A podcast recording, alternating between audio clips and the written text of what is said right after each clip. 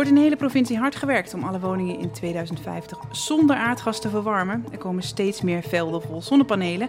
En in meerdere gemeenten wordt gesproken over geschikte locaties voor windmolens. Nou, ik zeg dat klinkt goed. Volgens mij besteden we in Overijssel al een heleboel aandacht aan uh, duurzame energiebronnen. Bij ons aan tafel hier op het, uh, kunsten, of het kennisfestival. Ik maak er een kunst, kunstfeestje van. Is het ook een beetje? Eigenlijk wel, eigenlijk wel. We horen muziek op de achtergrond. Er is een heleboel muziek hier in Deventer. Maar het is een kennisfestival en hier wordt kennis gedeeld. Ik ben Jacco Meijboom en naast mij zit Hans Bellert. En bij ons aan tafel als gasten zit Matthijs Nijboer, directeur van Natuur en Milieu Overijssel.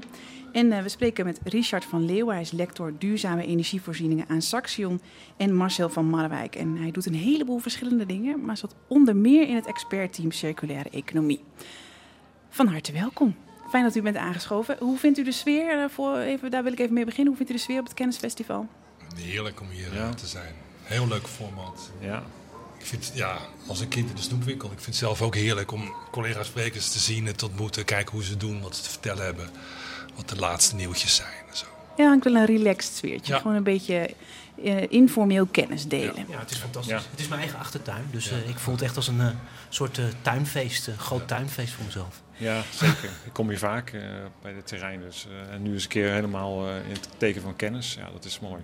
Nou, dus, dus een, die achtertuin is een goede setting om inderdaad uh, het ook eens bijvoorbeeld even te hebben over die, uh, die duurzame energievoorzieningen. Ik, uh, ik had net een prachtige introductie. Ik begin even bij u, Richard van Leeuwen. Klopt ja, het zeg, een beetje? Zeg maar jij hoor. Oké, dan, dan, dan, hoeven we dat, dan hebben we dat afgesproken bij deze. Goed, goed. Maar, maar zeg ik het goed? Zijn we goed bezig in Overijssel? Um, ja, ik, ik, heb net, uh, ik werd even weggetrokken uit de Saxion uh, tent, waar ik net uh, ook daar iets over verteld heb. ik ging terug in mijn verhaal naar mijn jonge jaren. ik ben opgegroeid in de Randstad, in, een, in een huis gebouwd in begin jaren 70. En wij woonden naast een vrij drukke weg, waar ook een benzinetankstation was. En daar kwam ik heel vaak, want dat vond ik gewoon een hele leuke omgeving. Het roken lekker, ja, dat is heel apart misschien. Sommige mensen vinden het heerlijk. De geur van benzine, dat, ja. ja. dat hebben wel meer kinderen die dat lekker vonden. Maar uh, dat is allemaal weg. Alleen die auto's zijn nog niet weg.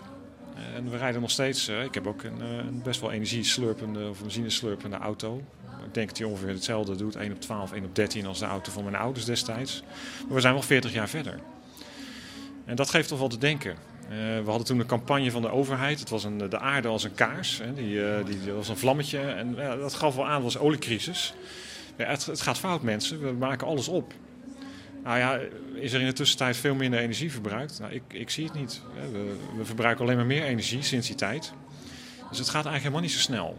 We zijn 40 jaar verder en er is, nou ja, we, we hebben dan nu eindelijk 6% duurzame energie. Kwamen we vorig jaar achter. Iets, iets meer dan 6%. 6,5, 6,6 geloof ik officieel volgens CBS. Dus het is echt nog veel en veel te weinig. En um, die woningen, nou dat is een heel goed voorbeeld. Maar de woning is, is maar, laten we zeggen, 25 à 30 procent van alle energie die we verbruiken. Het merendeel gaat naar de industrie en, en ook naar vervoer. Vliegtuigen, auto's. Dus daar liggen de grootste klappen. Ik wil niet zeggen, die woningen zijn niet belangrijk, die moeten we echt aanpakken. Maar het is ook heel ingewikkeld. En het is slechts een begin dus. Ja, het is echt een begin. We zullen daar vast nog wel wat verder over praten. Want daar zie ik ook heel erg circulariteit in terugkomen. Want het kost bewoners erg veel geld om een woning geschikt te maken voor die overstap naar duurzame energie. En daar moeten we denk ik met elkaar eens over gaan hebben. Hoe we dat nou inderdaad in een versnelling kunnen brengen. Want zoals het nu in dit tempo gaat, gaat het echt nog wel 40, 50 jaar duren. Voordat alle woningen hier in Deventer, Olst, noem maar op. Nou, die tijd hebben we niet. Ja, maar... Nou ja, daar moeten we niet nog een keer 40 jaar voor willen nemen, denk ik. Nee, want we nee. hebben al een paar Marcel van Marwijk. Ja, we hebben al een paar afslagen gemist. Ik, mijn lezing vertelde ik net, in 72 kwam een boek uit Limits to Growth. En er is feitelijk gebeurd wat ze toen voorspeld hebben. En, en, dat is het negatieve scenario. Dus ik zeg al, we hebben een aantal afslagen gemist. We hadden in de jaren 70, 80 hadden we dat, die framing van de aarde als een kaars die zichzelf langzaam opbrandt. En ja, we zijn nu zover dat het, dat, dat het echt invoelbaar is. Dat we echt merken van, we hebben niet nog een keer 40 jaar de tijd om dingen te gaan doen. En dat betekent dat wij een aantal zaken substantieel radicaal anders moeten gaan doen. En wat ik daar betoogde, is dat wij met elkaar gewend zijn om dingen nog vrij top-down te organiseren. In corporate-achtig corporate georganiseerde organisaties. En dat geeft veel te weinig ruimte aan mensen om samen de enorme exponentiële versnelling die nu op ons afkomt, aan te kunnen. En wat je dan krijgt, is wat je ziet, is mensen die opbranden, die mensen die niet meer redden, eh, uitval. Het piept en kraakt aan alle kanten. Tegelijkertijd weten we uit onderzoek dat een aantal mensen die het eigenlijk best prettig vinden, niet dat het piept en kraakt, maar dat je, dat je in een corporate omgeving verteld wordt wat je moet doen. Pak een beetje. In ons niet representatief Nederland kom je op 25%, die vinden het wel prima zo. Maar een grote groep van 40% van de mensen die zouden het dolgraag anders willen. En we voorkomen dat dat gebeurt. Dus een groepje die mag het al doen, die doen het al. Als je zo in de, ZP-wereld rondloopt en de manier waarop daar dingen gebeuren, dat is veel vrijer, prettiger, leuker. Wacht even, de ZP-wereld? Zelfstandig professionals, Ah, mensen die dus geen medewerkers in dienst hebben. Die, die, die, ja, precies. Ja, ja. ZP, oké. En, ehm, en, en die manier van werken, hoe die met elkaar samenwerken, is, is handiger dan wat je nog vaak bij corporates ziet. Het is ook een eh, duurzamere manier van werken. Hou je Ja, beter handiger, sneller, efficiënter, productiever. Ja, maar het haakt ook aan bij iets anders, denk ik. Wat, wat, je, wat je ook heel sterk ziet, is dat ehm, energie en energiebesparing is eigenlijk iets wat we in de samenleving een beetje geoutsourced hebben. Hebben we buiten onszelf geplaatst. En hebben we eigenlijk niet meer een verantwoordelijkheid van onszelf gemaakt. En dat moet weer echt helemaal terugkomen. Dus het moet weer terug naar de mensen toe. En het moet in verbinding tussen overheden, bewoners en bedrijfsleven gebeuren. En in die driehoek, nou, ik ben zelf betrokken bij de klimaattafels, op dit moment landelijk. In die driehoek moet het plaatsvinden. En we hebben nu de situatie, nu kan het nog om het in die driehoek te laten plaatsvinden. We hebben nu nog enigszins de tijd om dat te doen. Maar dan moeten we het ook echt serieus nemen met elkaar. En ook als partners zien van we gaan voor die opgave. En niet meer te veel discussiëren van wat nou de opgave is. Want die is er gewoon. We kunnen nog wel hebben over hoe we het gaan aanpakken. Daar is het goed om het gesprek mee over te gaan. Maar dan ook echt meters te gaan maken. Even voor de helderheid, de opgave, wat is die precies? Nou ja, kijk, weet je, er zijn allemaal beleidsopgaves. Maar eh, als je naar energie kijkt, dan eh, in dat eh, energieakkoord staat tussen de 50 en 55 procent in 2030. Hè? Nou, dat betekent dat eh, als we nu 6 procent hebben, nou, dan weet je ongeveer waar we staan, even heel simpel gezegd. Dan weet je dat je enorm moet versnellen. En in 2050 wil je naar 80 tot 95 procent. Dat betekent dat je ontzettend moet versnellen. Maar je moet het wel echt iets van de mensen maken. Dus, dus we moeten niet vergeten dat eh, te doen. Dus het vraagt naast technische innovatie, waar we heel vaak heel goed in zijn. En met een mooie term heet dat dan sociale innovatie. Dus het vraagt echt nieuwe coalities. Eh, en daar zijn we op zich in Overijssel sterk in. We kennen het Noberschap, we kennen allerlei, allerlei dingen. Maar die energietransitie moeten we ook in die samenwerking weer Er is nog oppakken. een derde, dus naast sociaal eh, heb, je ook, ehm, heb je ook nog eh, systeeminnovaties. En eh, dat is moeilijk, want dat gaat over onze grenzen heen. Dus organisaties zullen moeten gaan samenwerken om samen oplossingen te vinden die ze alleen nooit kunnen. Dus dus dat begint met de erkenning van afhankelijkheid. Eh, en dat je dus als een, als een hele keten, als een hele sector en ook nog met tussen, tussensectoren samen gaat werken. Ja, en dat is dus mijn ding. Eh, de, de belangrijke business schools in deze samenleving zijn nog allemaal georiënteerd op beheersing en op macht. En hebben nog bijna geen aandacht voor wat er nodig is om met elkaar een kwalitatief hoogwaardige dialoog te kunnen voeren. Dat moet je leren. Wij hebben het in ons onderwijs niet meegekregen en we hebben het nu keihard nodig. En dat is wat we denk ik met elkaar te organiseren hebben. Dat wij die kennisachterstand, en daarom ben ik zo blij ook met dit, eh, met dit kennisfestival, dat er gewoon noviteiten worden gedeeld. Eh, de hele MT's komen hier naartoe. De ene gaat, een- daar gaat die ene tent in, de andere gaat daarin. Ze komen elkaar tegen, ze drinken een biertje en ze praten erover. En, en dat bewustzijn, die, dat, dat wennen dat er nieuwe dingen zijn en dat je het samen moet gaan doen. Ja, dat is belangrijk. En ik, die, driehoek waar ik het net over had, die is essentieel. De overheid alleen durft het niet alleen. Ze kunnen het niet alleen en ze durven het niet alleen. Nee, en daarbij komt denk ik ook dat het besef hoe groot die opgave eigenlijk is. Hè, we noemen hier een paar getallen. Dat is echt nog niet bij bewoners doorgedrongen.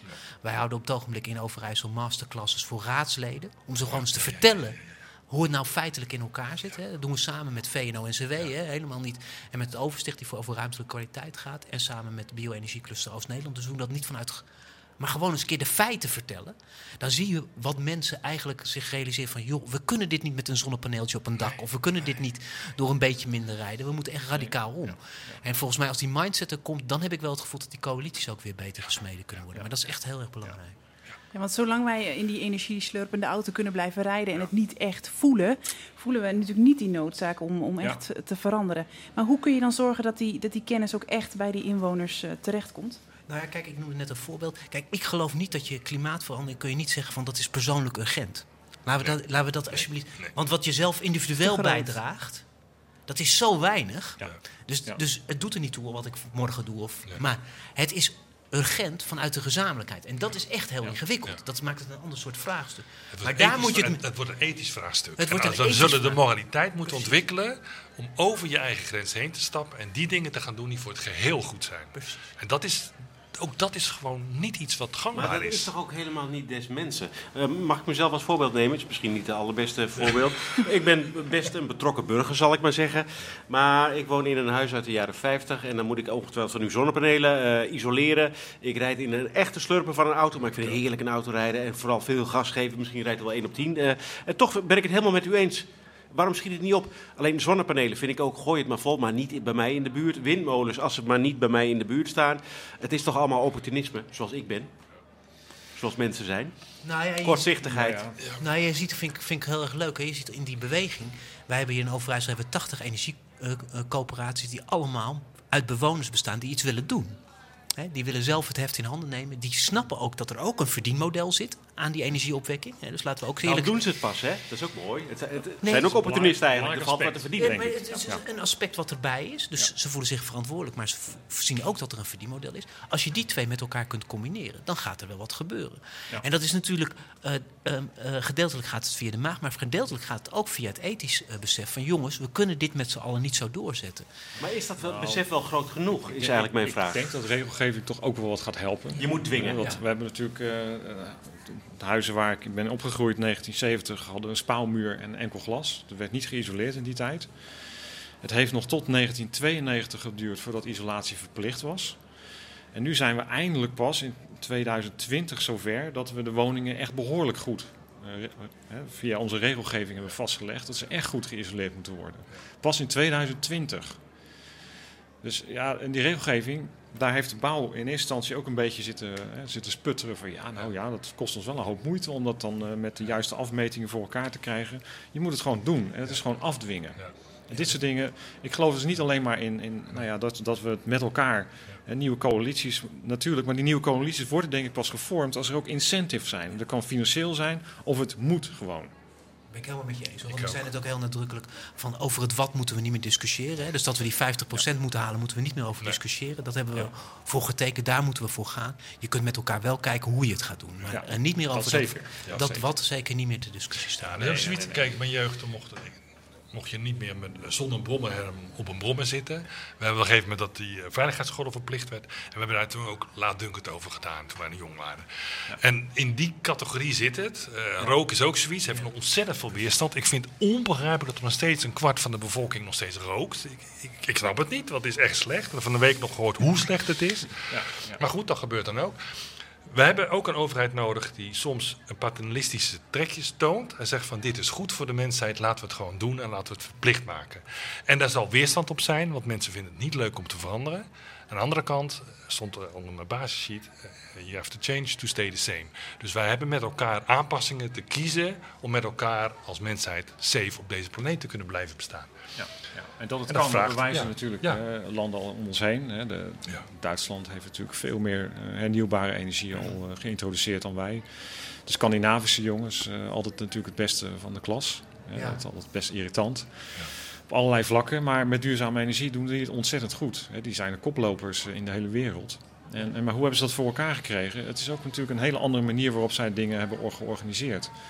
Dus ze hebben toch een wat meer top-down benadering altijd vanuit de overheid gehad. En de laatste jaren is er heel veel burgerparticipatie bijgekomen. En werd dat door inwoners ook meer geaccepteerd?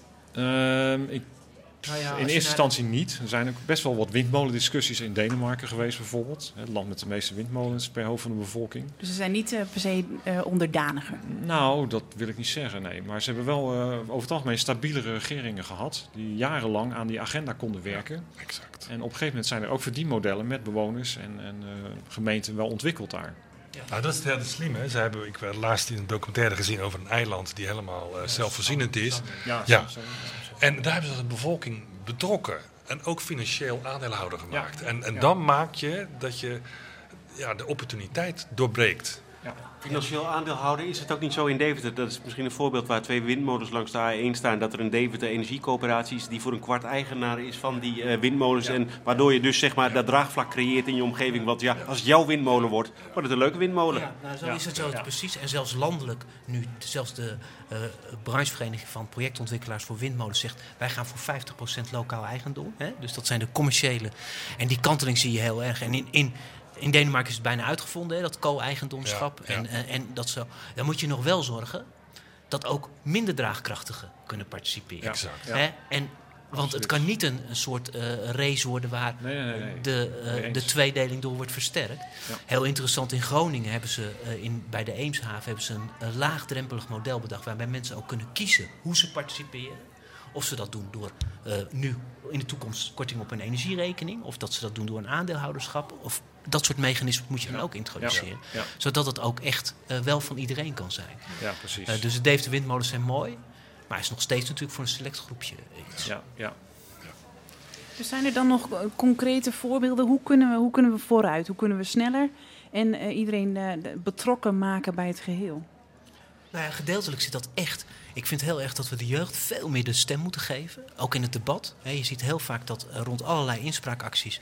ehm, eh, nou ja, eh, mijn leeftijd mannen en ouder zitten. Hè, grijze mannen met grijze haren en daar het, het voor het zeggen heeft. Terwijl als je voor de jeugd dingen doet. We doen veel in onderwijs en educatie dingen. Als je daar de jeugd veel meer in stelling brengt, ook in het debat, krijg je een ander type debat. Vind ik heel interessant. En aan de andere kant moeten we echt zorgen dat we eh, nou ja, blijven zaaien ook in, in van we moeten echt bewegen met z'n allen. Dus het is echt nog een stap eh, te gaan. Als ik bij die raadsleden de vragen hoor, dan is het helemaal niet erg. Ze mogen dan alle domme vragen stellen even. En dan hoor ik echt vragen waarvan ik denk van heel goed dat ze die vraag nu stellen. Want het beeld is helemaal. Nou, de vraag: kunnen we het alleen met zonnepanelen oplossen? Hele goede vraag. Nee, kunnen we niet. Nou, laten we daar duidelijk over zijn. Dus dat soort dingen moeten we echt doen. Ja, en ik denk ook eh, de lokale economie speelt ook een belangrijke rol hierin. Ehm, het Deense model eh, maakt ook wel gebruik, denk ik, van eh, dat de Denen zelf ook een wat groter gevoel van autonomie hebben.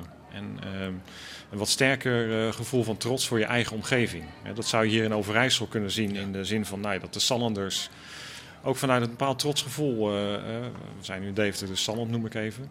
Maar in Twente is het precies hetzelfde, of in, in West-Overijssel. Je bent ook een beetje trots op je eigen leefomgeving en die geef je samen vorm.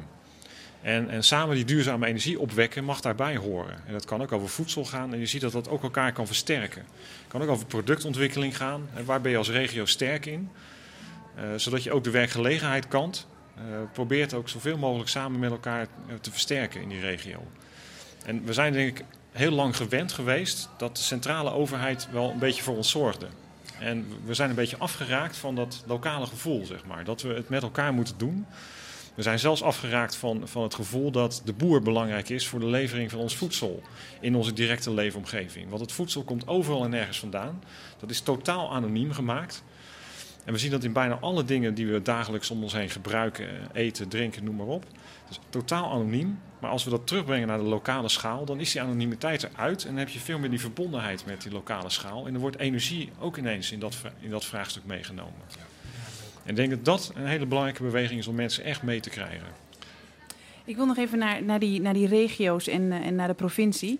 Eh, nu, er was onlangs in Zwolle eh, een, een inloopbijeenkomst voor inwoners. Om het eens te hebben over die geothermiebron en om dat in een paar jaar mogelijk te maken. Daar was veel belangstelling voor. Eh, maar valt het op, zeg maar? De, de, eh, zijn op, andere plekken eerst daarna geboord en is, eh, is het gestopt of was het bleken niet haalbaar?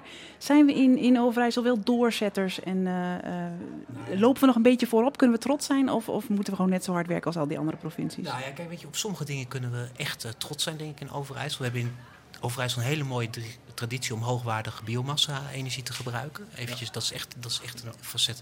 Nou, geothermie kan maar op een paar plekken in Overijssel, moeten we gewoon reëel in zijn. hè. Dus niet verwachtingen wekken op plekken waar het niet kan. En eh, waar ik denk dat we ook trots op kunnen zijn. Kijk, ik noem net die 80 lokale energieinitiatieven. Als je ziet wat we hebben en wat we hebben in duurzame dorpen gedaan in eh, Overijssel. En wat we juist vanuit dat noberschapachtige principes en wat je zegt lokaal eh, doen. Dan zit daar zeker iets, denk ik, om trots te zijn. Maar die trots moeten we nog wel verzilveren. Ik bedoel, we moeten nog wel meters gaan maken. Ik bedoel, het is niet, we kunnen niet achterover gaan zitten en zeggen, joh, oh, het gaat lekker. Ja, het hebt ook Ja. zo weer weg. Dus Ik heb eh, twee uur gereisd om hier te komen, dus ik kom uit de Randstad. En ik merk me dat, eh, dat ik dan de periferie van Nederland noemt. het hele noorden, het hele oosten. Ik ben vooral met het zuiden bekend, in de regio eh, Venlo. En er zijn prachtige initiatieven die veel beter gebruik maken van de identiteit van de regio. Waar mensen veel meer de trots hebben. Waar de vitaliteit van de gemeenschap centraal staat. En vanuit de dialogen en de verbinding, de mate van samenhang, ontstaan veel makkelijker initiatieven Ja. dan eh, aan onze kant, zullen we zeggen, van het land. Dus dat is, vind ik zeer hoopvol. Dus het moet niet te groot zijn. Daar zit misschien het Nee, groot geheim lokaal, in. lokaal, ja, lokaal. ja, lokale initiatieven Ja, ondersteunen. en leer van elkaar, leer van mijn part Denemarken, Zweden, het Westland. Want daar is dan wel zo'n geobron waar dan veel warmte wordt gebruikt in een sector waar ongelooflijk veel energie wordt verstookt. Ja. En daar zit veel potentie. En wellicht niet overal, ik heb er te weinig verstand van. Maar ik denk dat we al de modaliteiten, ik weet niet of dat een goed woord is in energie, maar eh, zonnepanelen, windenergie, warmtebron, allerlei facetten naast elkaar moeten ontwikkeld worden. Ja. Eh, en waarbij we s- vooral de regionale netwerken moeten maken eh, die op zichzelf kunnen staan. En Die versnelling eh, waar jullie het in het begin Ja. over hadden, die nodig is om eh, de doelen te bereiken. Die versnelling, hoe haal je die? Moet dan toch de overheid harder ingrijpen, eh limieten stellen? Dat, dat hoort er ook bij. Ja, Ja, waar moet dat is niet het enige. Nou, maar wat, wat er komt is dat er, er komen landelijk. Ik zal even wat vertellen wat er waarschijnlijk uit de klimaattafels komt, omdat je soms wat insight hebt. Er komen regionale energiestrategieën. Oké. En die regionale energiestrategie is nog heel veel discussie. Krijgen die een doelstelling vooraf of niet? En dan zal in Overijssel, in twee regio's, worden nagedacht. Hoe gaan we nou tot 2030 en tot 2050 het echt waarmaken? Nou, het is interessant als dat een proces wordt... wat niet alleen door overheden wordt vormgegeven... maar ook weer door die drie partijen. Ja. Ja. Ja. En, en dan heb je ook een kader waardoor je verder kunt. Precies. Wat ik gemerkt heb, en dat is, vind ik hoopgevend, eh, in de regio Venlo, maar dat zal hier niet anders zijn, zijn dialogen van wat, gaat er hier, wat is hier nodig. Nou, dan komen ze op 14 thema's uit, even voor het verhaal, en er zijn er vijf, kunnen ze klassiek organiseren. Nou, moet je gewoon doen. Maar negen konden niet door een overheid, hebben ze geen regie, ze hebben geen een macht. helemaal- Ja, precies. de, de ge- vitale gemeenschap. Ja, dat is iets wat de gemeenschap zelf organiseert. Terwijl je er als overheid wel belang bij hebt dat, dat er kwaliteit is. Want het zou de zorgbehoefte enorm doen verminderen.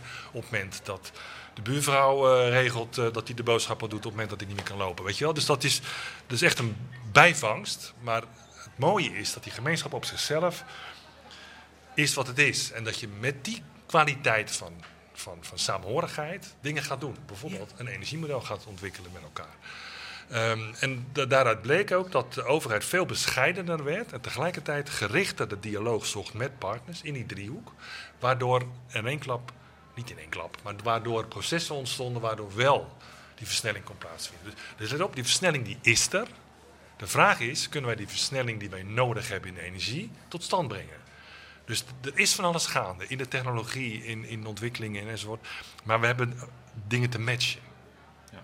Ja. En, en, en dat vergt Dat vraagt veel regie. ja, dat vraagt veel regie.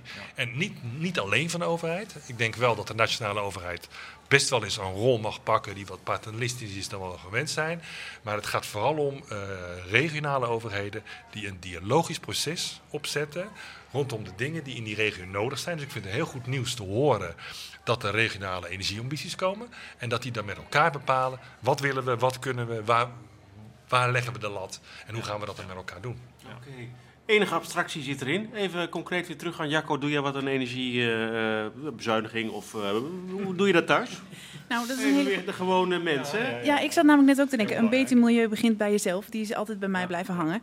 En ehm, eh, we begonnen eigenlijk al een beetje met van je- in je eentje red je het niet. Dus als ik mijn afval scheid en eh, eh, een deel van een windmolen eh, sponsor, en eh, ja, he- he- hebben we daar wat aan? Ja. Tuurlijk. Tuurlijk. Oh, er wordt heel eh, duidelijk geknikt hier in de ruimte. Hoeveel zonnepanelen Phew. moet ik eh, aanschaffen? Ik weet ik niet. Ik, ik, ik ken de oppervlakte van je dak niet. Ik heb er elf, pas een jaar. Eh, ik vlieg nog steeds. En maar ik eet geen vlees. Dus nou ja, iedereen doet zijn dingetje die bij hem past. En wat past bij identiteit. Vlees is wel een lastig dingetje, hè? Nou, vind ik niet. Ik, heb, ik mis het niet. Maar eh, zo- ja, zo ben je dus eigenlijk ook een beetje voor jezelf ethisch bezig, moet ik het zo eh, Ik vertalen? vind het wel een ding. Ik, ik, ik, rij, ik rij een oude diesel en dat vind ik gênant. Zodra ik het kan Staat hier voor de deur, Nee, ik ben de trein gekomen. Oh nee, met de trein, dat is waar ook waar. Ja, ja. Ik rij ben- graag ik, met ben, de trein. eh, ik reis al ongeveer 20 jaar met de trein. Ja. Oké. En dat, eh, dat, eh, eigenlijk kom ik overal heel goed met mijn eh, vouwfiets en de trein. En dat kan ik gewoon als, eh, als lector zeggen. De meesten die komen met een auto, maar eh, ik kom eigenlijk overal met de trein. Ja. Ehm, dat is ook een beetje iets waar ik mee opgegroeid ben, dat, eh, dat moet ik wel zeggen. Eh, ik heb ook bij de spoorwegen gewerkt, dus dan, eh, dan word je al automatisch in het treinleven meegenomen. Ja. Maar ik vind het ook gewoon eh, prettig om te kunnen werken terwijl ik reis. Ah, kijk, Want dat reizen tuurlijk. kost ongelooflijk veel tijd. Het is ook gewoon een slimme manier van timemanagement. Tuurlijk, hè? Gewoon, tuurlijk, eh, tuurlijk. in de auto kun je niks. Nee. Totdat de zelfrijdende auto komt. Maar daar moeten we nog even op wachten, geloof ik. Nou ja, ik durf dat niet zomaar uit handen te geven. Matthijs Nijboer, eh Nou ja, kijk, natuurlijk eh, doe ik ook. Maar wat ik heel erg grappig vond, en dat zul je nu echt niet meer meemaken. Ik was een van de eerste eh, zonnepaneelbezitters in Deventer. En dan kwamen ze speciaal filmen hoe die dingen op het dak werd gezet.